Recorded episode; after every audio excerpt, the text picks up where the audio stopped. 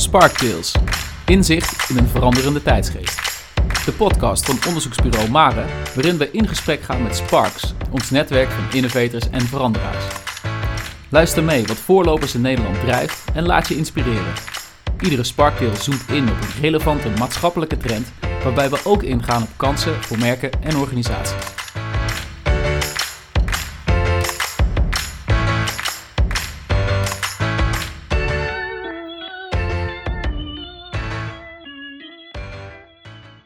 Welkom bij Sparktales, de podcast van Maren. Ik ben Benjamin van Rooij, de host van deze aflevering. Mijn gast van vandaag is Rudy van Belkom, transitieontwerper en onderzoeker van verandering. De rode draad in zijn werk is de overtuiging dat alles om ons heen ooit is ontworpen en daarom ook opnieuw ontworpen kan worden. Het nieuwe kiezen, zijn concept voor een nieuw modulair politiek kiesstelsel, werd onder andere genomineerd voor een internationale design award. Ik ga vandaag met Rudy in gesprek over het belang van design for transition en het creëren van een sense of excitement om verandering teweeg te brengen.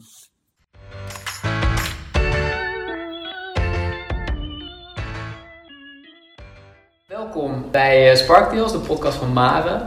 Nou ja, transitie, design for transition. Achten wij het belangrijk om eh, de consument dus heel goed te begrijpen. Te begrijpen wat houdt iemand bezig, wat beweegt iemand. Niet zozeer om daar altijd gehoor aan te geven, maar wel omdat het een gegeven is waar je mee te maken hebt. Dus zou je willen beginnen met uh, een korte introductie? Wie ben je en wat doe je eigenlijk? Ja, dankjewel. Uh, ik ben Rudy, Rudy van Belkom. Ik werk als transitieontwerper. Dat is eigenlijk een term om al mijn verschillende activiteiten onder te brengen. Transitie is natuurlijk nogal een groot abstract begrip, maar gaat uiteindelijk allemaal over verandering. Dus ik noem mezelf eh, ook vaak wel onderzoeker en ontwerper van verandering. Dat is eigenlijk de, de meer toegepaste term, zullen we maar zeggen. En verandering heeft mij eigenlijk altijd gefascineerd. Ik ben op verschillende manieren met verandering bezig. Dat doe ik zowel, laten we zeggen, in dienstverband. Dus ik, ik werk als toekomstonderzoeker bij Stichting Toekomstbeeld der Techniek. We bestaan al vanaf 1968, doen we lange termijn toekomstverkenningen. Ik heb onder andere onderzoek gedaan naar de impact van AI op besluitvorming.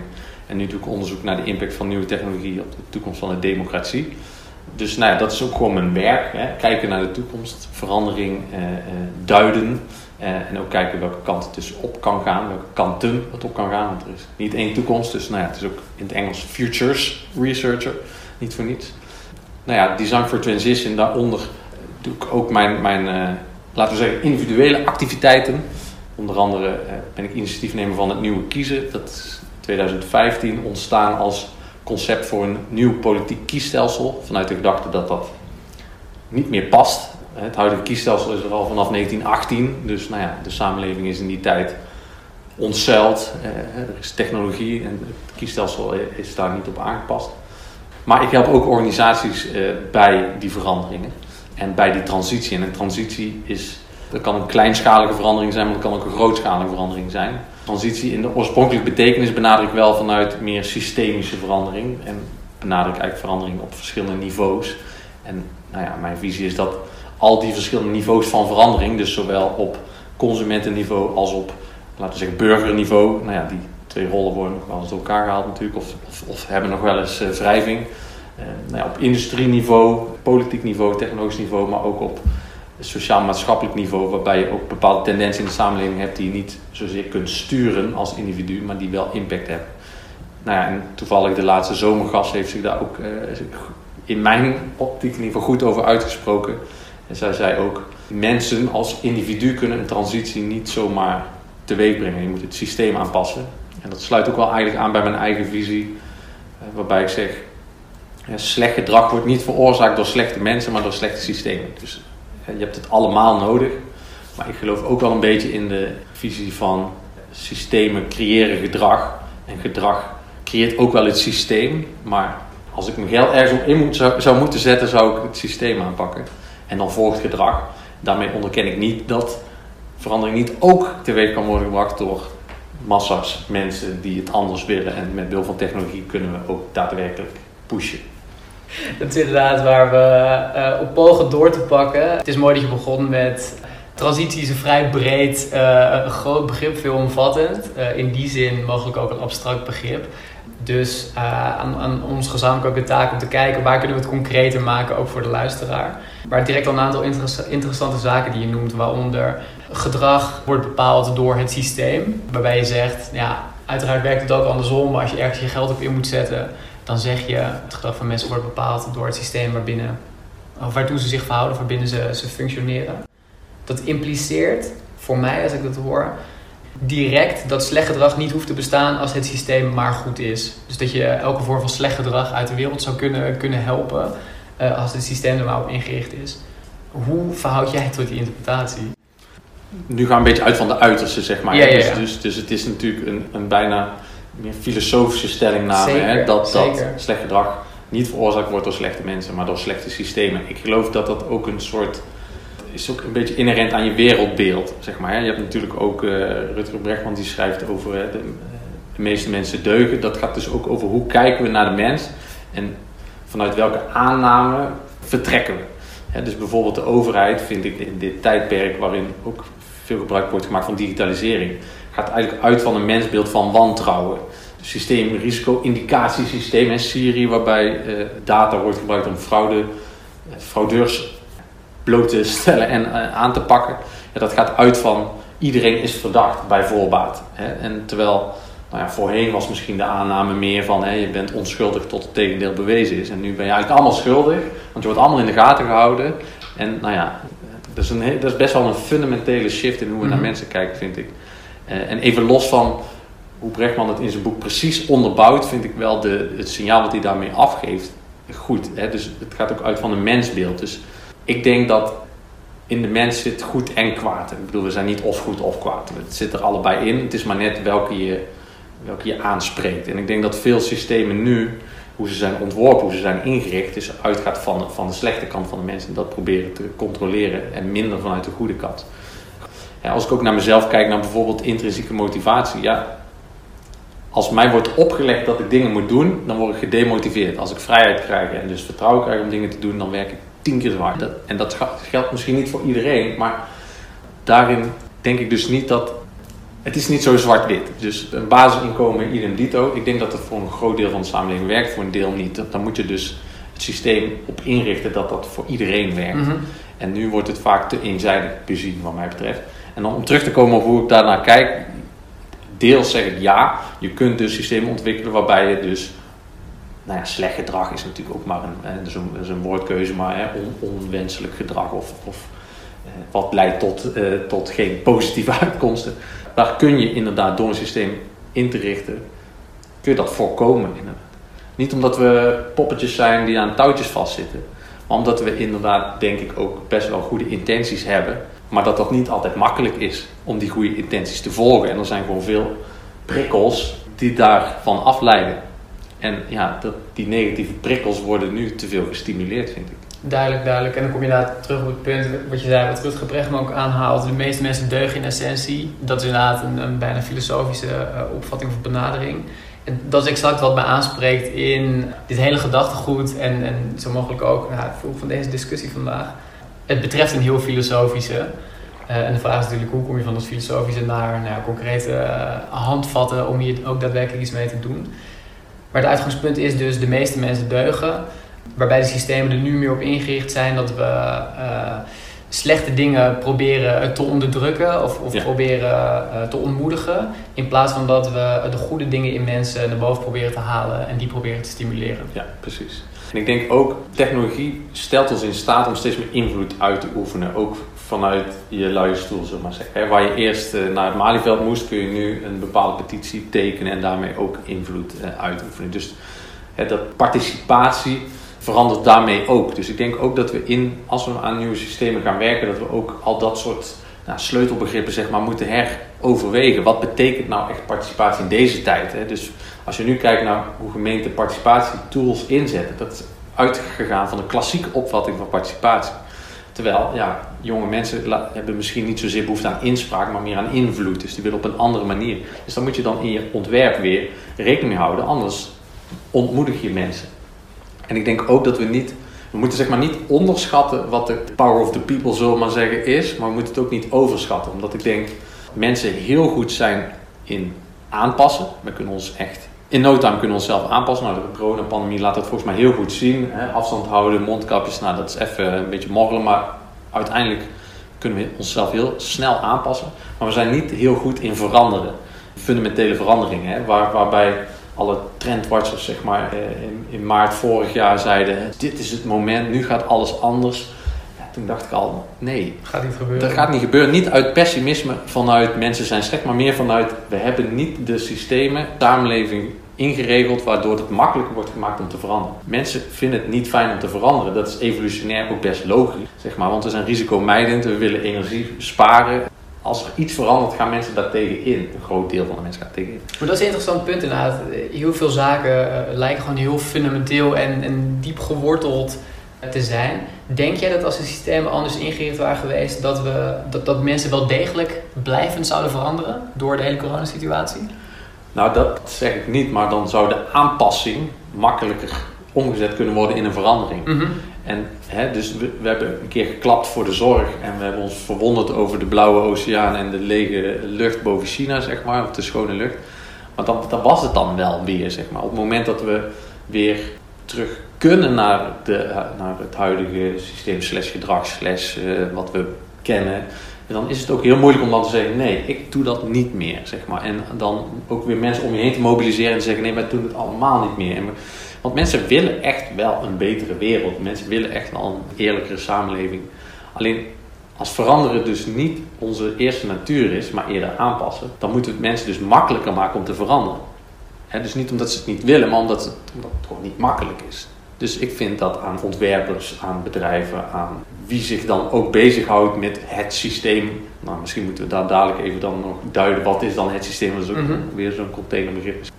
Maar als iedereen daar, die daar verantwoordelijkheid voor heeft, die ook neemt, dan geloof ik best wel dat we nog heel veel positieve verandering teweeg kunnen brengen. En dat gaat echt niet alleen maar over een beter milieu begin bij jezelf of uh, inderdaad afval scheiden, wat allemaal belangrijk is en meeweegt.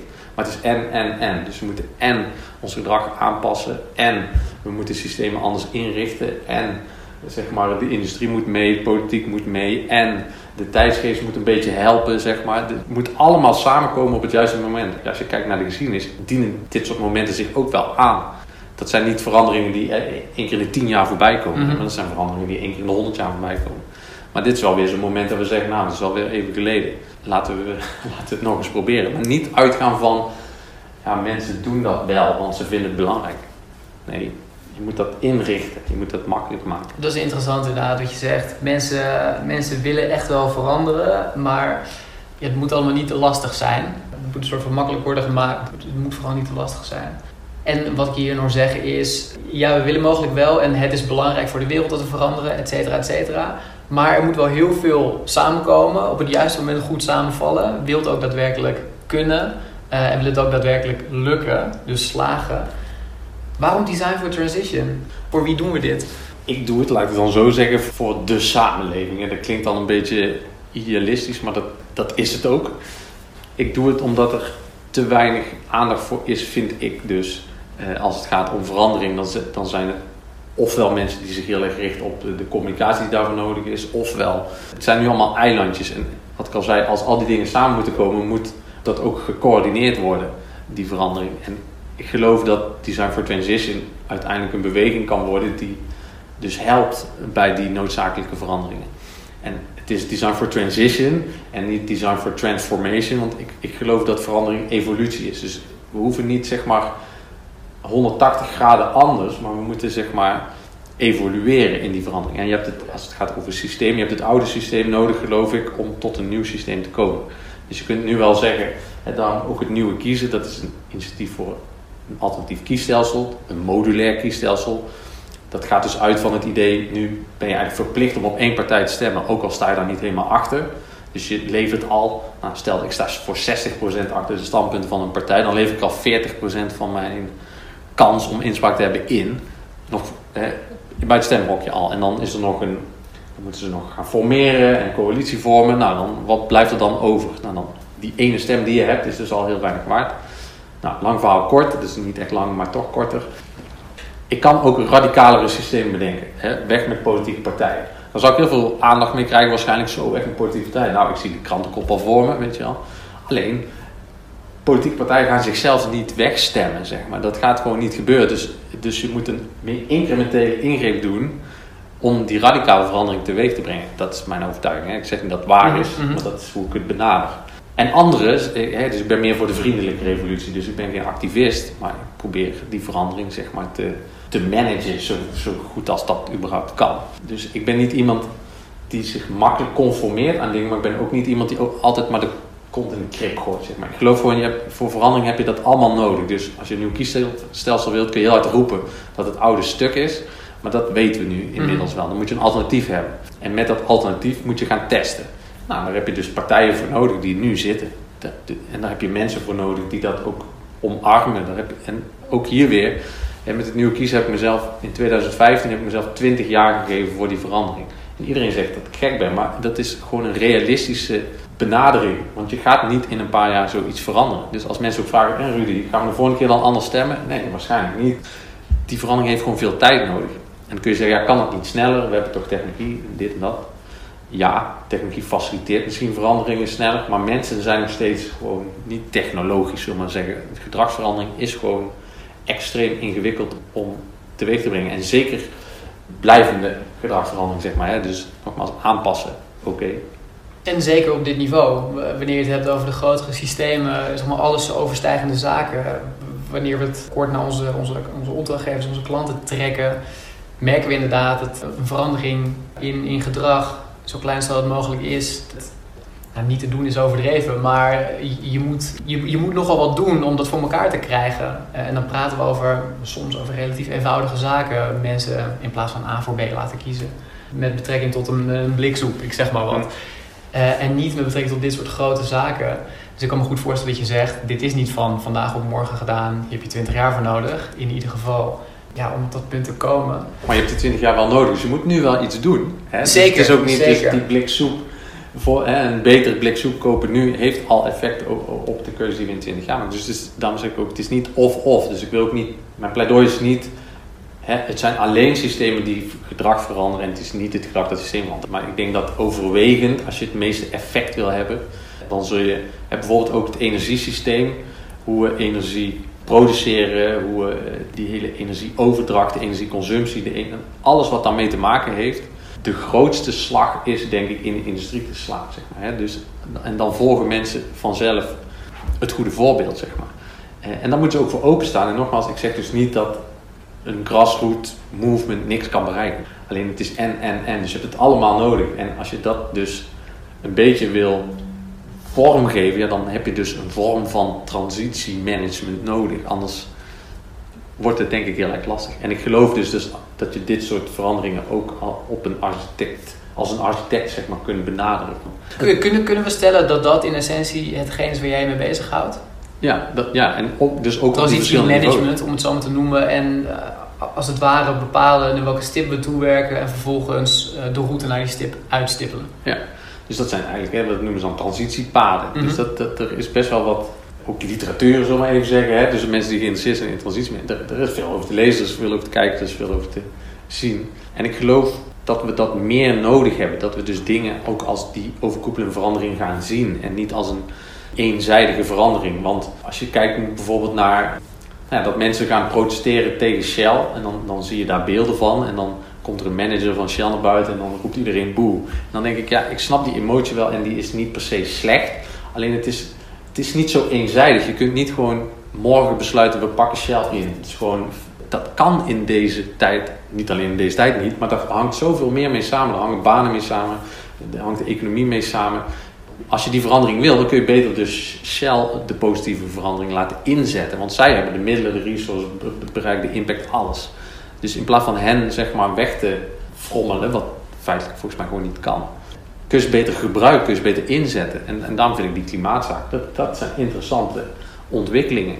Maar alleen die klimaatzaak gaat het ook weer niet redden. Dus het is en, en, en. weer. Mhm. Dus al die veranderingen opstellen. En ik denk dus, wat ik als transitieontwerper kan doen, is juist ook met bedrijven aangeven van steeds meer bedrijven staan er ook voor open om die verandering in te gaan. Weten misschien niet hoe. Hebben misschien niet zo goed voor zich, ja, wat is dan die stip op de horizon? Hoe kunnen we daar komen? Wat is hiervoor nodig? Nou, dat begint dus bij, met geduld. En dus niet verwachten dat het snel opgelost is. Hè. Met het nieuwe kiezen helpen ook schuiven regelmatig mensen aanhaken aan om mee te helpen. Maar die zijn meestal na een jaar of anderhalf wel weer klaar. Omdat ze dan denk ja, zijn we er nou nog niet. Duurt lang. Duurt lang. lang. En het is gewoon heel moeilijk om, om dat... Voor dat geduld heb je dus ook een bepaald geloof nodig dat dat gaat lukken, zeg maar. Hoe zorg je, eh, jij als, als manager van transitie, als ontwerper van transitie, hoe zorg je dat je bedrijven meekrijgt in die mindset? Dus wat je zegt, een, eh, met betrekking tot eh, milieu, klimaat, een Shell heeft een onwijze impact, of kan een onwijze impact hebben, ook in de goede richting dus. Nu mogelijk een slechte richting, maar het kan in de goede richting. Hoe zorg je dat, dat zij meegaan in, in dit verhaal, in dit geloof? Hoe kom je zover? Ik denk misschien is het dan wel goed om dan toch die veranderende niveaus dan te benoemen. En dan het is lastig dat je moet luisteren en het niet kunt uitbeelden of Mhm. kunt laten zien. Maar dit is niet hiërarchisch, maar er is zeg maar een, een niveau aan de grond, zullen we even zeggen, die grassroot movement. Daarbij zie je dus dat mensen in opstand komen, voelen dat het niet meer werkt. Je ziet eigenlijk niche innovaties noemen ze dat dan mooi. Dus, dus dan zie je ballonnetjes die worden opgelaten, er worden dingen geprobeerd. Ja, met het nieuwe kiezen probeer ik zo ook eh, alternatieve stemhulpen te ontwikkelen. Om, om, hè, dus dat zijn kleine innovaties die niet het systeem veranderen, maar die wel van onderaf zeg maar, prikken. Nou, soms komt zo'n ballonnetje door, zeg maar. Die komt, laten we even zeggen, dat tweede niveau in. Het systeem, het regime noemen ze dat mooi. Nou, daar, daar zit politiek, daar zit de industrie, daar zit de markt, daar zit, zit technologische ontwikkeling, daar zit onderwijs. Nou ja, dat gezamenlijk zou je dan een systeem kunnen noemen. Nou, soms komen daar dingen door. Hè, eh, Jos de Blok met zijn, met zijn zonder managers, zeg maar. Dat is ook begonnen als een klein, nou ja, laten we zeggen, radicaal idee eh, tegen Crip in. Maar dat is inmiddels nou, uitgegroeid. Dat, dat is onderdeel geworden misschien wel van bredere opvatting dat het echt ook anders kan. En dat het ook laat zien. Nou, van, dan heb je nog een derde niveau van bovenaf. Heb je dus die maatschappelijke tendensen. Je hebt, je hebt bewustwording van duurzaamheid. Je hebt nou, het uitputten van grondstoffen bijvoorbeeld. Dat zijn dan grote bewegingen die dan van bovenaf weer prikken. En als al die prikjes zeg maar een kant op gaan, dan kun je die transitie bereiken. Alleen kost dat dus veel tijd. Nou, dat even als eh, Mhm. theoretisch kader zullen we maar zeggen. Dus hoe krijg je die bedrijven mee? Ja, op verschillende manieren. Dus dan kan het van onderaf, maar even zeggen, meer vanuit die grassroots, dat bedrijven gewoon op het matje geroepen worden. Nou, dat gebeurt bij zo'n Shell denk ik ook wel. Dat heeft dus ook effect. Daar komen dus ook zaken die daadwerkelijk dermate serieus genomen worden, hè, dat kunnen winnen zelfs. Nou, dan zie je van bovenaf dat maatschappelijke tendensen zijn die ook van bovenaf drukken. Hè, dus energiebronnen zijn niet onuitputtelijk, daar komen we ook achter. Dus we moeten naar alternatieve dingen gaan kijken. En je ziet van binnenuit ook. Het is heel makkelijk om Shell natuurlijk weg te zetten als boosdoener, maar en in sommige gevallen is het natuurlijk in het verleden ook wel gebleken, maar daar zitten ook heus wel mensen die wel het goede voor zich zien en ze zijn ook bezig met renewable energy, et cetera. Ja, en ik geloof gewoon als er als meer mensen zeg maar de terug, niet per se terug, maar eh, of van bovenaf dat bezien en dat meer probeert te coördineren en dingen met elkaar verbindt.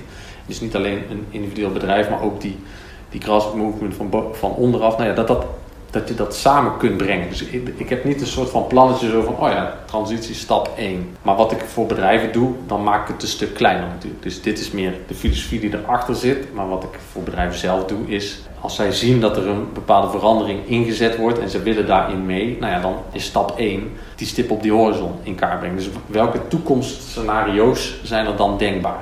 Want om te weten welke keuzes je nu kunt maken, moet je ook weten welke opties er zijn waar je naartoe kunt. Nou, dat zijn vaak een soort van hidden potential futures, zeg maar. Dus misschien zijn er wel toekomstbeelden die we nu niet kennen, waar we nu nog niet eens een idee bij hebben. Nou, dat is stap 1 volgens mij om, om in kaart te brengen. Waar is die stip op de? Waar willen we naartoe? Nou, vervolgens is het uitdenken, hoe komen we daar? Dus dan heb je verschillende transitiepaden. Dus dat is meer strategisch eigenlijk, hè, een vraagstuk. Waar willen we naartoe? Hoe komen we daar? Nou, en dan is het vervolgens, en dat is denk ik het grootste deel van mijn werk, is de cultuurverandering die daarvoor nodig is. Dus mensen moeten enthousiast worden voor die verandering. Moeten zien dat die verandering ook voor hun haalbaar is. Moeten een soort van sense of excitement hebben. Hè? Van ja, we, we gaan ervoor. Terwijl verandering, nogmaals, waar we eerder over hadden, is voor veel mensen gewoon niet prettig.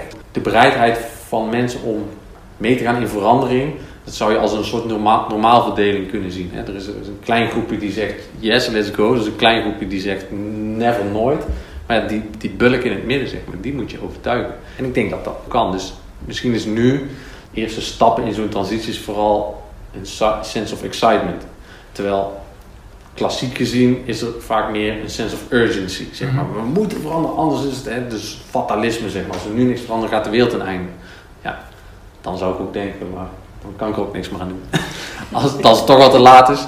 Terwijl als je laat zien dat de alternatieven werken en dat hè, er, kunnen, er zijn andere verdienmodellen mogelijk. Dus hè, het is ook weer te makkelijk om te zeggen, oh ja, die bedrijven willen allemaal geld verdienen, echt slecht.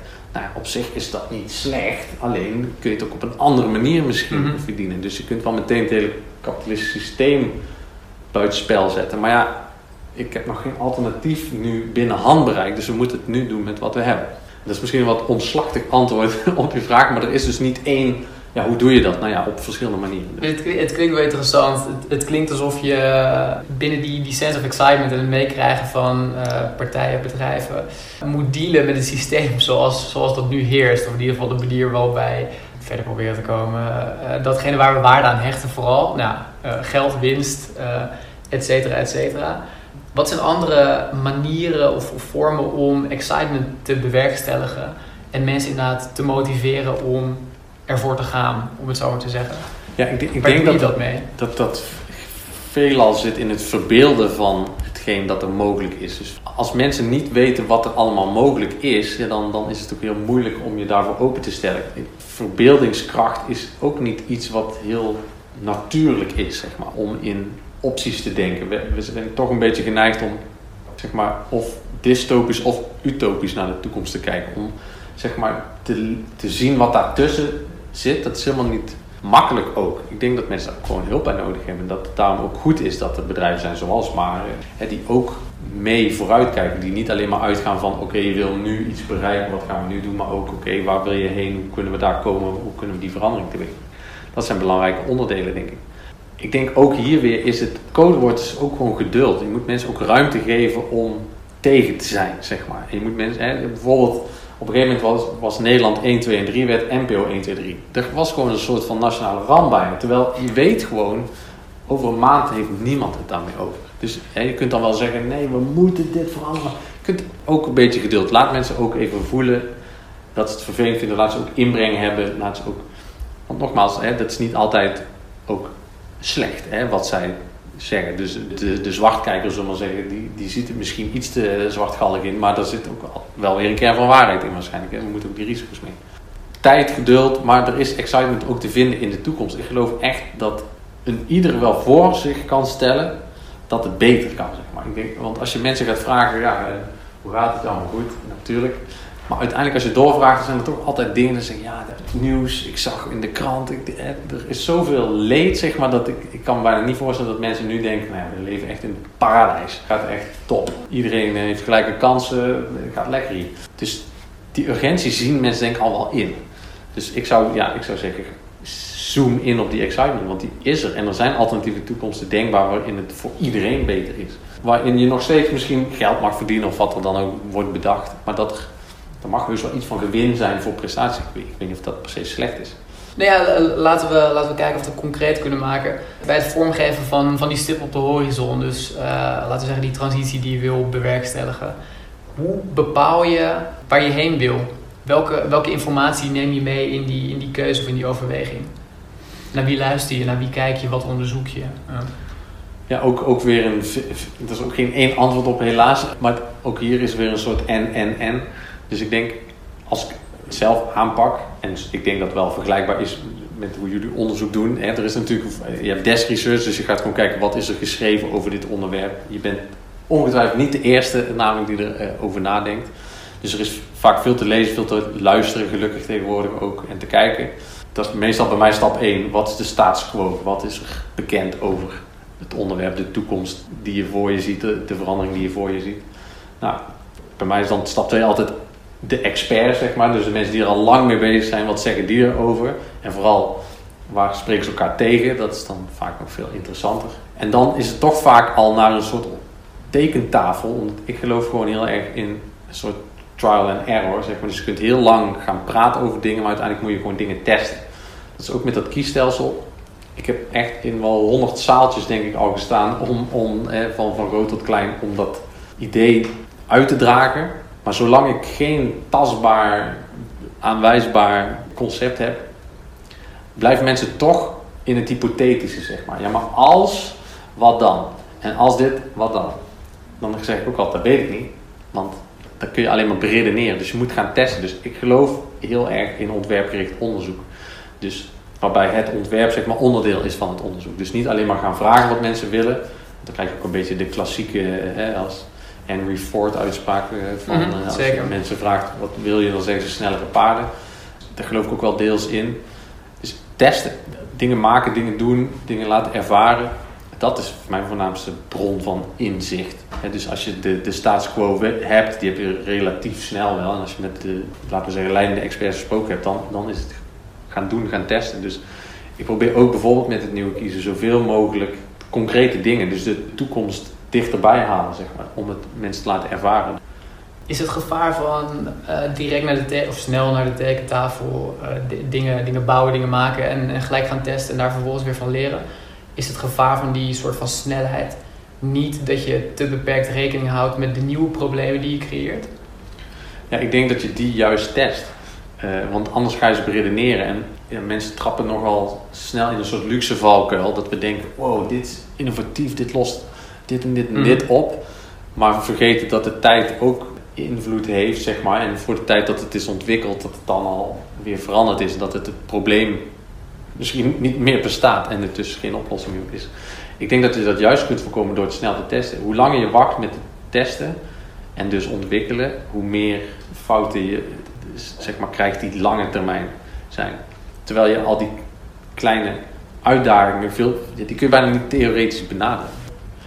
Dus ik geloof dat je met, met, met karton en pen en papier al een heel eind kunt komen. Zelfs al gaat het over high-tech ontwerpen. 100% eens. Daar zijn we zelf ook in die zin groot voorstander van. Op het moment dat wij met vertaalslagen eh, aan de slag gaan, heeft dit ook sterk de voorkeur.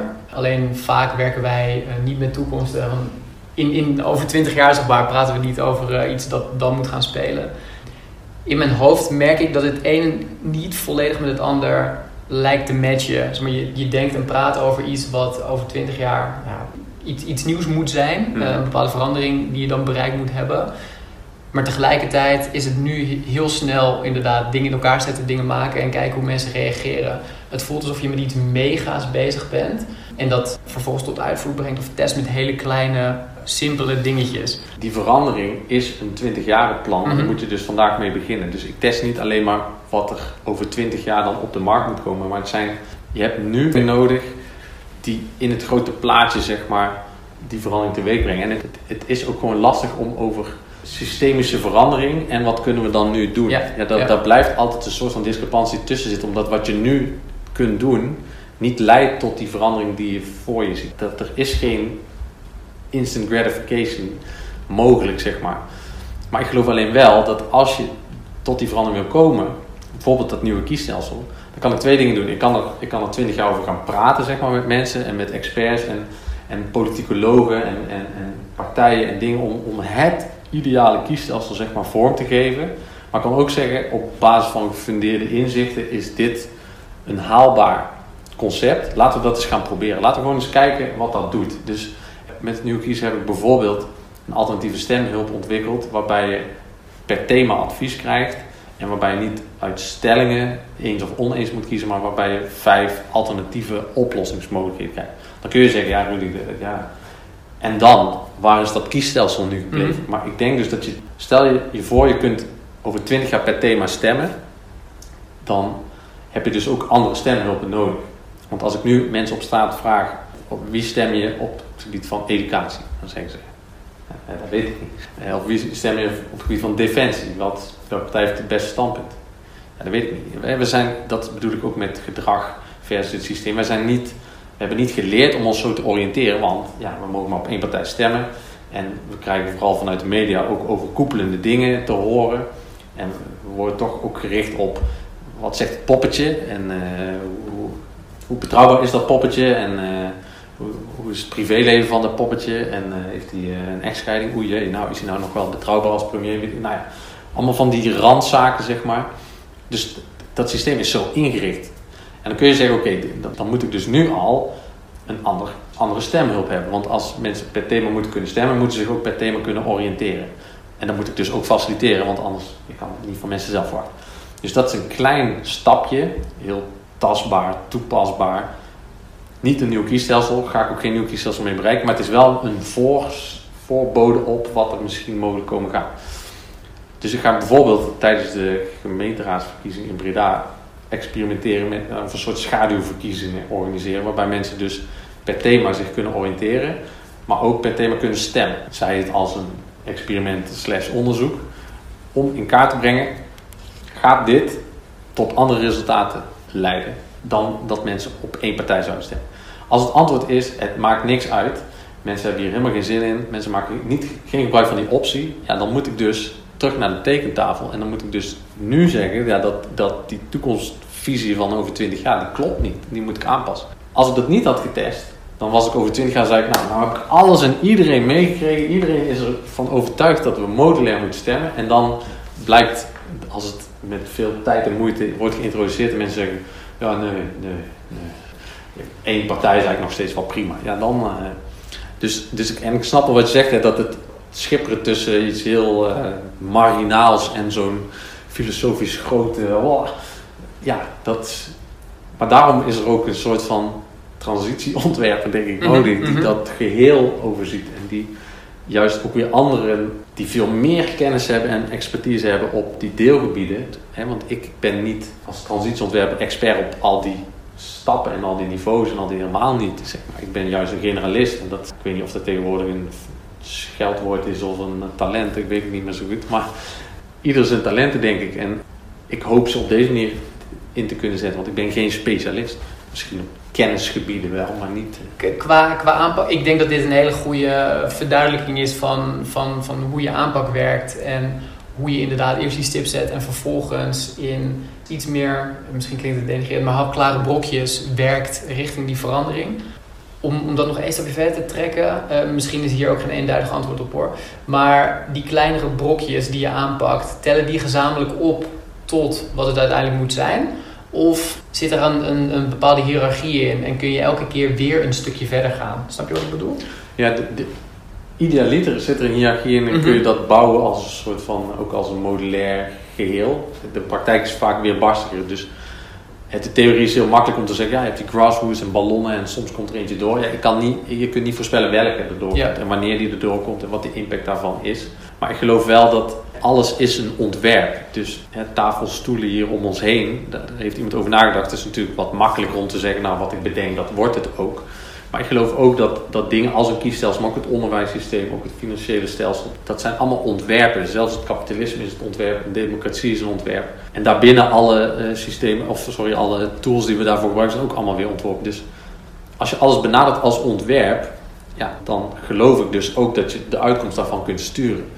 Daarmee neem ik ook al een soort stelling in dat ik dus deels geloof in een soort maakbaarheid van de toekomst. Dat is natuurlijk, daar is ook niet iedereen het mee eens. Ook hartstikke goed. En ik geloof ook niet dat voor iedereen de toekomst maakbaar is. Want sommige mensen worden gewoon overgeleverd aan, aan instanties waar ze geen invloed op hebben. Maar dan nog is het een ontwerp, zeg maar. En dat is ook hè, mijn onderzoek naar AI. Dan wordt ook een beetje. AI wordt gezien als een soort natuurwet. Het is er, het blijft er en het gaat impact hebben, dus we moeten er iets mee doen. Dat is een soort determinisme waarvan ik denk, waarom? Het is geen natuurwet. Als we, dit klinkt wat naïef en dat is het ook, maar goed, ik geloof soms wel in, naïeve ideeën. Als wij met z'n allen, en dan met z'n allen bedoel ik alle werelddelen en wereldmachten besluiten, we stoppen met de ontwikkeling van AI, dan is er geen AI meer. Dat is gewoon, zo simpel is het eigenlijk. Als wij niet willen dat we vliegen, dan moet je een vliegverbod opleggen. En ik snap wel, hè, nu, nu spreek ik mezelf eens tegen, want bij Shell uh, is het ook niet zo makkelijk. En zo makkelijk is het niet. Maar het is wel, als je dat voornemen niet hebt en dat voornemen niet neemt, dan sta je er dus niet echt achter. En dat vind ik zeg maar het gebrek aan, laten we het leiderschap noemen nu, hè, dat ook, ook zeker in Nederland, hè, die overstromen, dan is er niet een leider die, of een premier die opstaat en zegt, ja dit is nou het gevolg van het klimaatprobleem jongens, dit is met Nee, die gaat het dan toch een beetje als zo, zo dat regent toch wel hard. Ja, niet die ernst daarvan zien en niet ook die ambitie hebben van dit gaan we stoppen, zeg maar.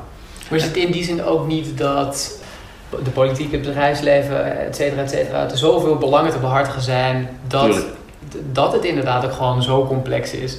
Klinkt inderdaad heel makkelijk. We moeten gewoon gezamenlijk als alle wereldmachten zijn besluiten. Nou, we willen het anders doen, dus we gaan het anders doen. Natuurlijk niet. Maar, maar ik bedoel meer daarmee te, niet te, simplificeren. Want nogmaals, het Shell-voorbeeld, daar sta ik ook achter. Is, je kunt daar niet zomaar even opdoeken en dan, en dan weer verder gaan. En dus kun je ook niet zomaar zeggen, we leggen een vliegverbod op, want dan stort ook de hele economie in. Maar dat, ik wil alleen daarmee zeggen dat je niet altijd je daarachter kunt verschuilen. En dat in die end, of het nou een populair standpunt is of niet, het zijn keuzes, zeg maar. En ik denk dat empathie iets heel moois is en dat is ook heel goed. Maar als je verandering op dat niveau moet je soms ook de minder populaire dingen durven te doen als je er echt in gelooft. Of je moet het gewoon niet uitspreken. 100% eens. Ik denk dat, we, dat ik niet namens mezelf, maar namens Maren spreek wanneer ik dat zeg. Dit is een mooi voorzetje voor, uh, voor een aantal stellingen. Op papier gezet, deels haken die in op dingen waar jij heel erg achter staat of dingen die jij, die jij zelf zegt. En sommige dingen gaan er misschien iets meer tegenin. Voor de duidelijkheid zijn stellingen die, die niet per se representatief zijn voor hoe wij er tegenaan kijken of onze mening uh, illustreren. Uh, maar meer ja, om het gesprek misschien nog iets verder te brengen. Iets wat je net al zei is, uh, alles is ontworpen en kan als zodanig ook opnieuw worden ontworpen. Eens. Meteen dan weer van mijn kant, is het zo makkelijk? Het klinkt een beetje, ja, bijna Cruyffiaans. Of alsof het ja. op, een, op een tegel kan. Je kan, er niet, je kan er haast niet tegen zijn. Maar werkt het leven wel zo? Ja, eens nog steeds. Ik snap de, de, de, het daar aan. Maar er zijn twee verschillende dingen. Is het zo simpel? En dan moet je onderscheid maken in... Is het zo simpel als overtuiging? Versus is het zo simpel om te bereiken? Als overtuiging werkt het zo simpel. Alles is ontworpen toen er geen mensen waren, waren er ook geen systemen, zeg maar. Er was alleen de natuur. We hebben alles wat we om ons heen zien zelf bedacht. Niks bestaat eigenlijk. Geld bestaat niet, landen bestaan niet, grenzen bestaan niet. Het is allemaal bedacht. Het is allemaal een geloofssysteem. Hè? Wij geloven in de waarde van geld, dus heeft het waarde. Als wij morgen besluiten het is waardeloos, is het waardeloos. Kun je wel zeggen, zo makkelijk gaat het niet. Nee, het bereiken ervan niet. Maar de stellingname is wel degelijk kloppend. Want als we, de hypothese klopt, als we met z'n allen besluiten dat geld waardeloos is, dan is het waardeloos. Die hypothese klopt, daar kun je veel van zeggen, maar dat, dat is Om het te bereiken, nee. Dat is immens complex en waarschijnlijk nooit veranderbaar. En alleen ik mis gewoon in de huidige discours van verandering dat, dat mensen gewoon zeggen: hartstikke idee, we gaan dat wel als uitgangspunt nemen. Wij gaan ervoor zorgen dat we die uitstoot omlaag brengen. Niet bij benadering of Nee, we gaan het gewoon als uitgangspunt nemen. Alles is een ontwerp, dus we gaan het anders ontwerpen. Gaat er tegenspraak komen? Ja. Gaat het makkelijk worden? Nee. Gaat het ooit lukken? Ik weet het niet. Gaan we het proberen? Jazeker. Ik ben gewoon voor het, laten we het proberen. Waarom, waarom al van tevoren die kaaslek schieten? Vind ik zo, zo, zo Nederlands zo van, ja maar, uh, ja, maar wat als, ja dat weet ik niet. Oké, we kunnen per thema stellen in de toekomst. Misschien is het gewoon een slecht idee, blijkt. Dan ben ik de eerste die, die zegt, oké, okay, stoppen. Heeft niet gewerkt. Precies. Heeft niet gewerkt, gaan we iets anders proberen. Precies. Maar wat mensen nu doen, ik heb wel eens in de zaal ook, dan zei ik ook van tevoren, ik kom hier een concept presenteren, een alternatief kiesstelsel, wat niet de heilige graal is. Dit verhaal heb ik nu misschien al wel 300 keer verteld. ik ken de meeste beperkingen, ben ik me ook bewust van. Ik wil vandaag met jullie praten over hoe kunnen we die beperkingen voorkomen. Hoe kunnen we ervoor zorgen dat, hè, hoe kunnen we dat in de praktijk gaan brengen. Dus ik heb een verhaal gedaan en nog een keer gevraagd van, hè, dus de ja maar's, probeer eens ja en. Laten we het een keer met z'n allen proberen. En de eerste vraag was gewoon, ja maar als, en toen dacht ik ook, ja pot voor drie dubbeltjes, dat, dat zit gewoon zo in de mens. En yeah. dat, ik disqualificeer mensen niet als ze dat doen, alleen geloof ik gewoon dat het tijd is om een ander geluid te laten horen. En eens te zeggen van, ja, alles is ontworpen en het kan dus anders. En soms dingen wel te simplificeren. Want we zijn zoveel tijd bezig met het vercomplificeren, zeg maar, nog moeilijker te maken. Dat ik denk, nou, laat, laten we het nou gewoon eens proberen.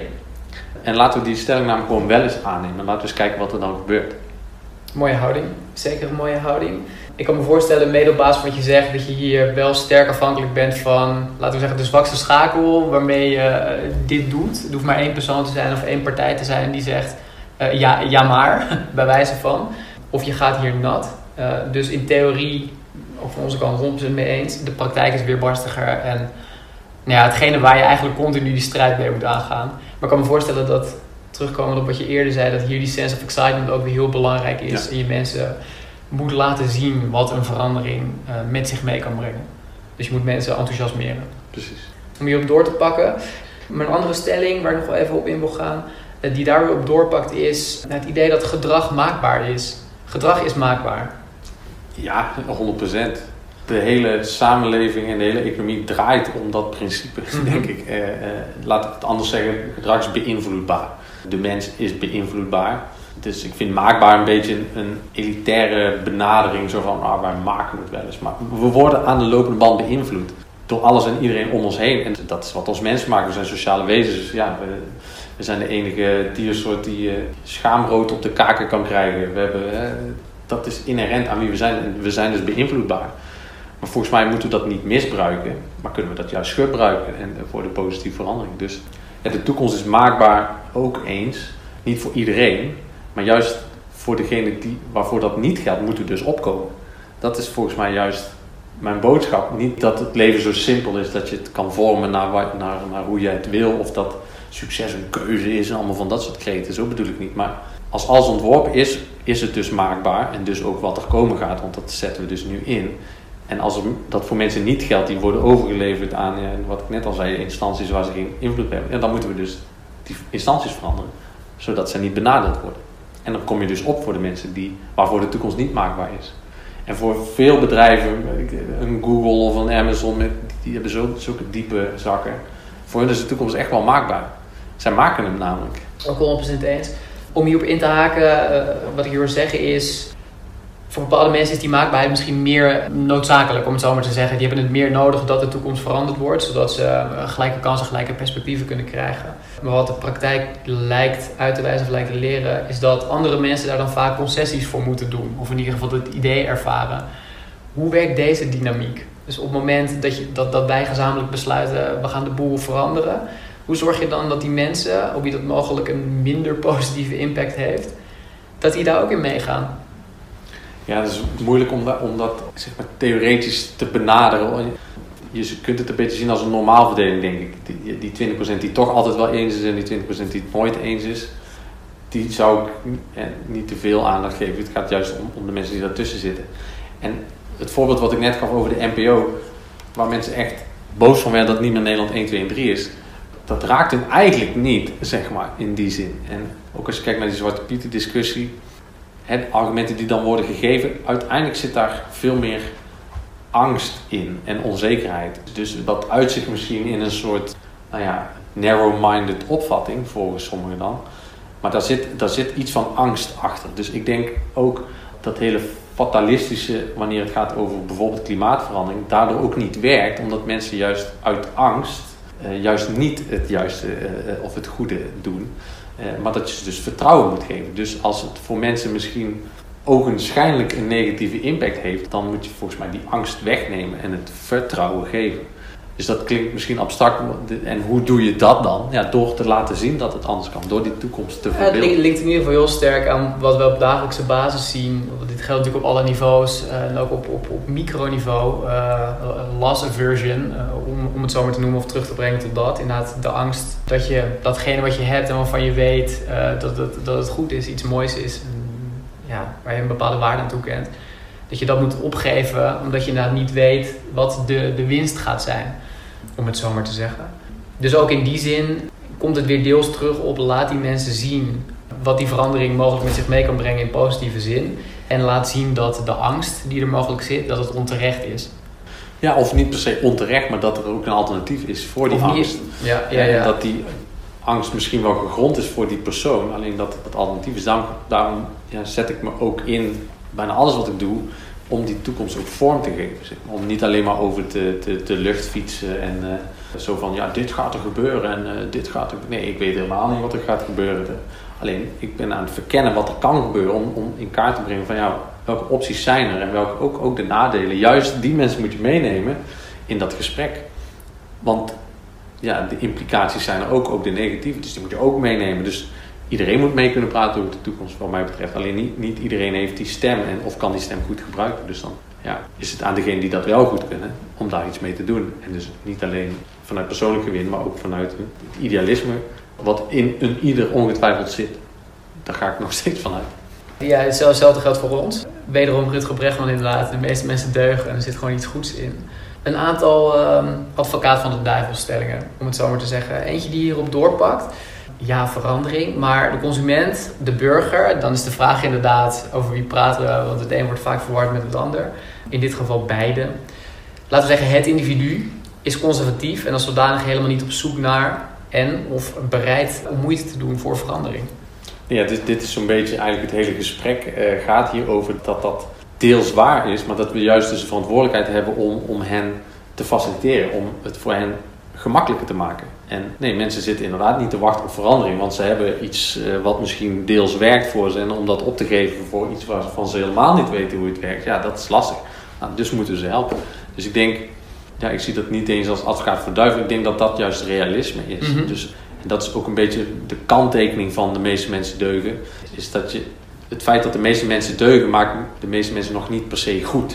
zeg yeah, maar. yeah. Of uh, je kunt niet zeggen, ja, de Tweede Wereldoorlog, ja, dat is allemaal wel erg wat er gebeurd is, maar ze bedoelden het niet verkeerd. Ze waren niet tegen de vijand, ze waren voor hun kameraden. Ja, daar ga ik niet in mee. Ik zeg. Dan denk ik, ja, zo, zo makkelijk kun je de, nazi-kant niet even wegzetten, want ze bedoelden het wel goed.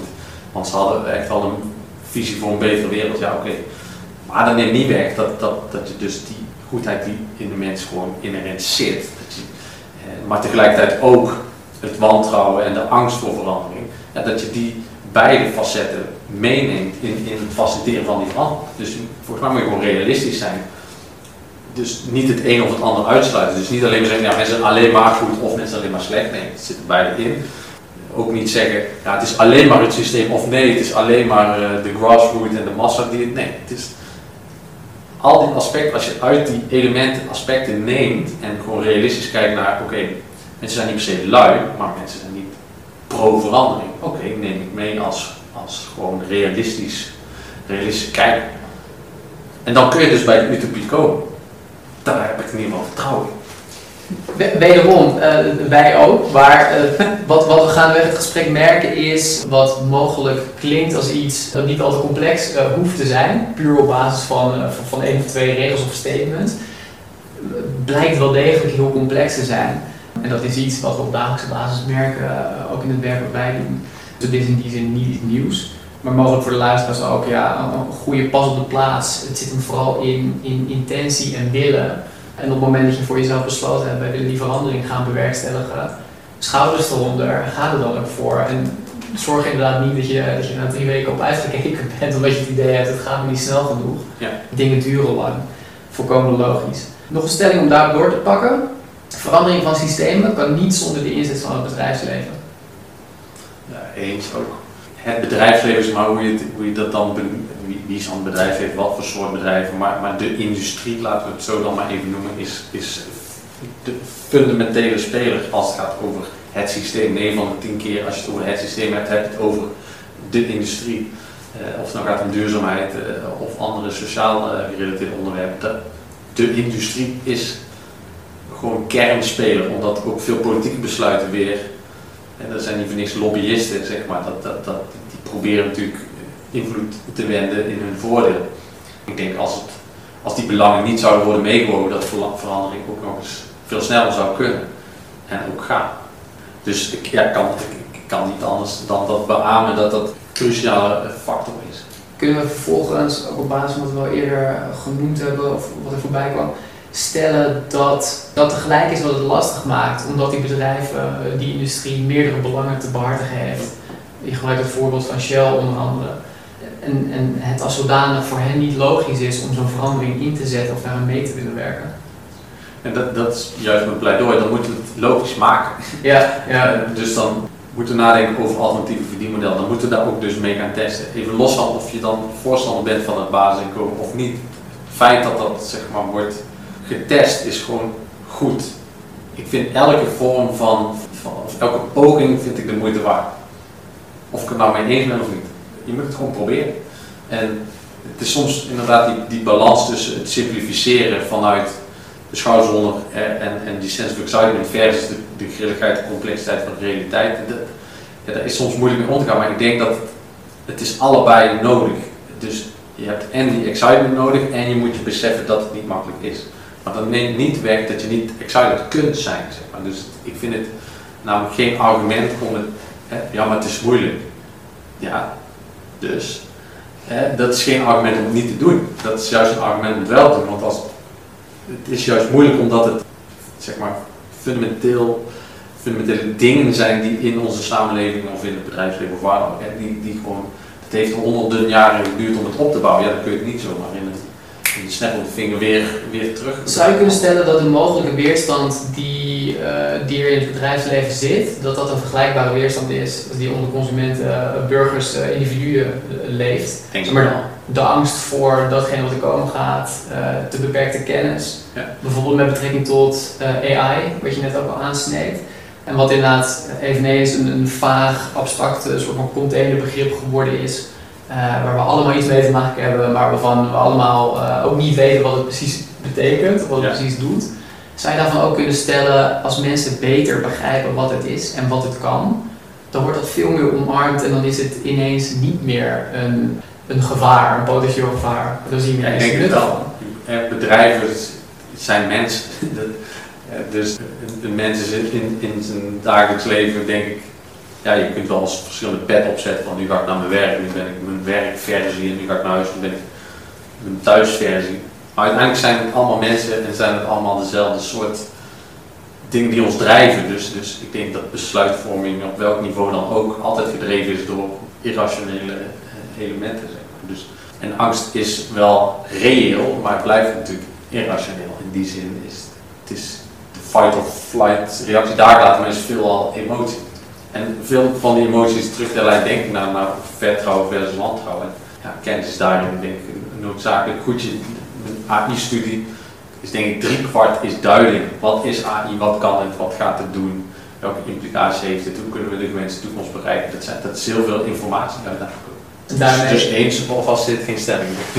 Ehm, nee, nee, het was helemaal niet eh, per definitie een, eh, een, een, een stelling, maar meer iets eh, dat doorpakt. Eh, omdat we daarvoor bespraken. Maar het is zeker een antwoord op wat ik van je wilde weten. Ik denk dat we een, eh, een mooi en interessant gesprek hebben gehad. Mogelijk voor onze luisteraar toch nog steeds behoorlijk abstract. Ondanks dat we een poging hebben gedaan om het concreter te maken. Maar het is in die zin ook lastige materie, zou je kunnen zeggen.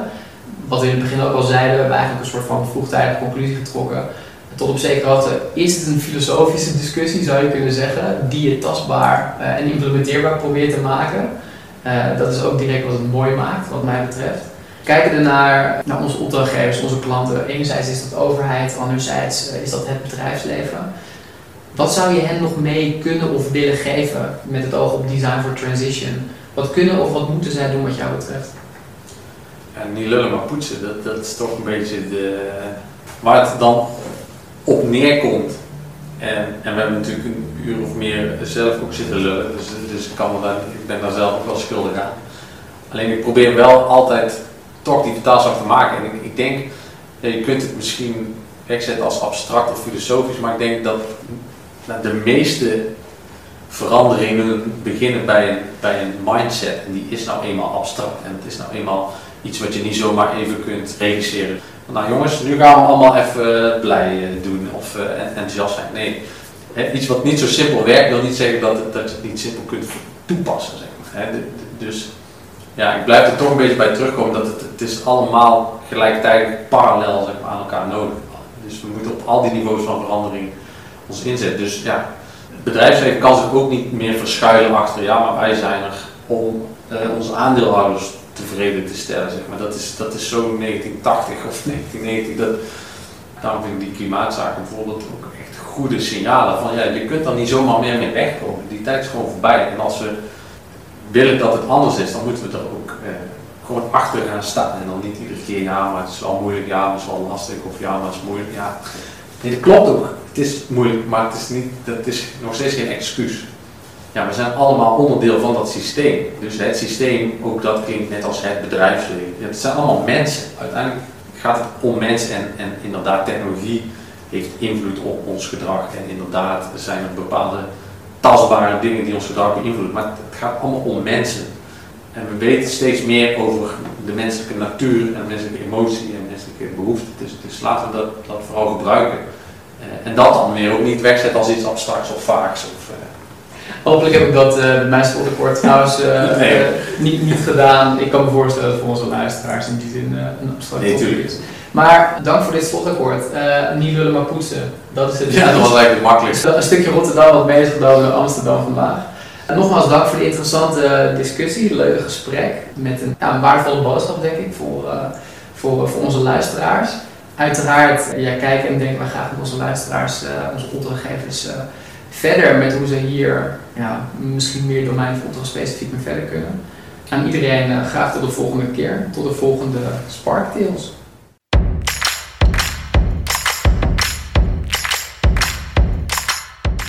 Verandering teweeg brengen is moeilijk.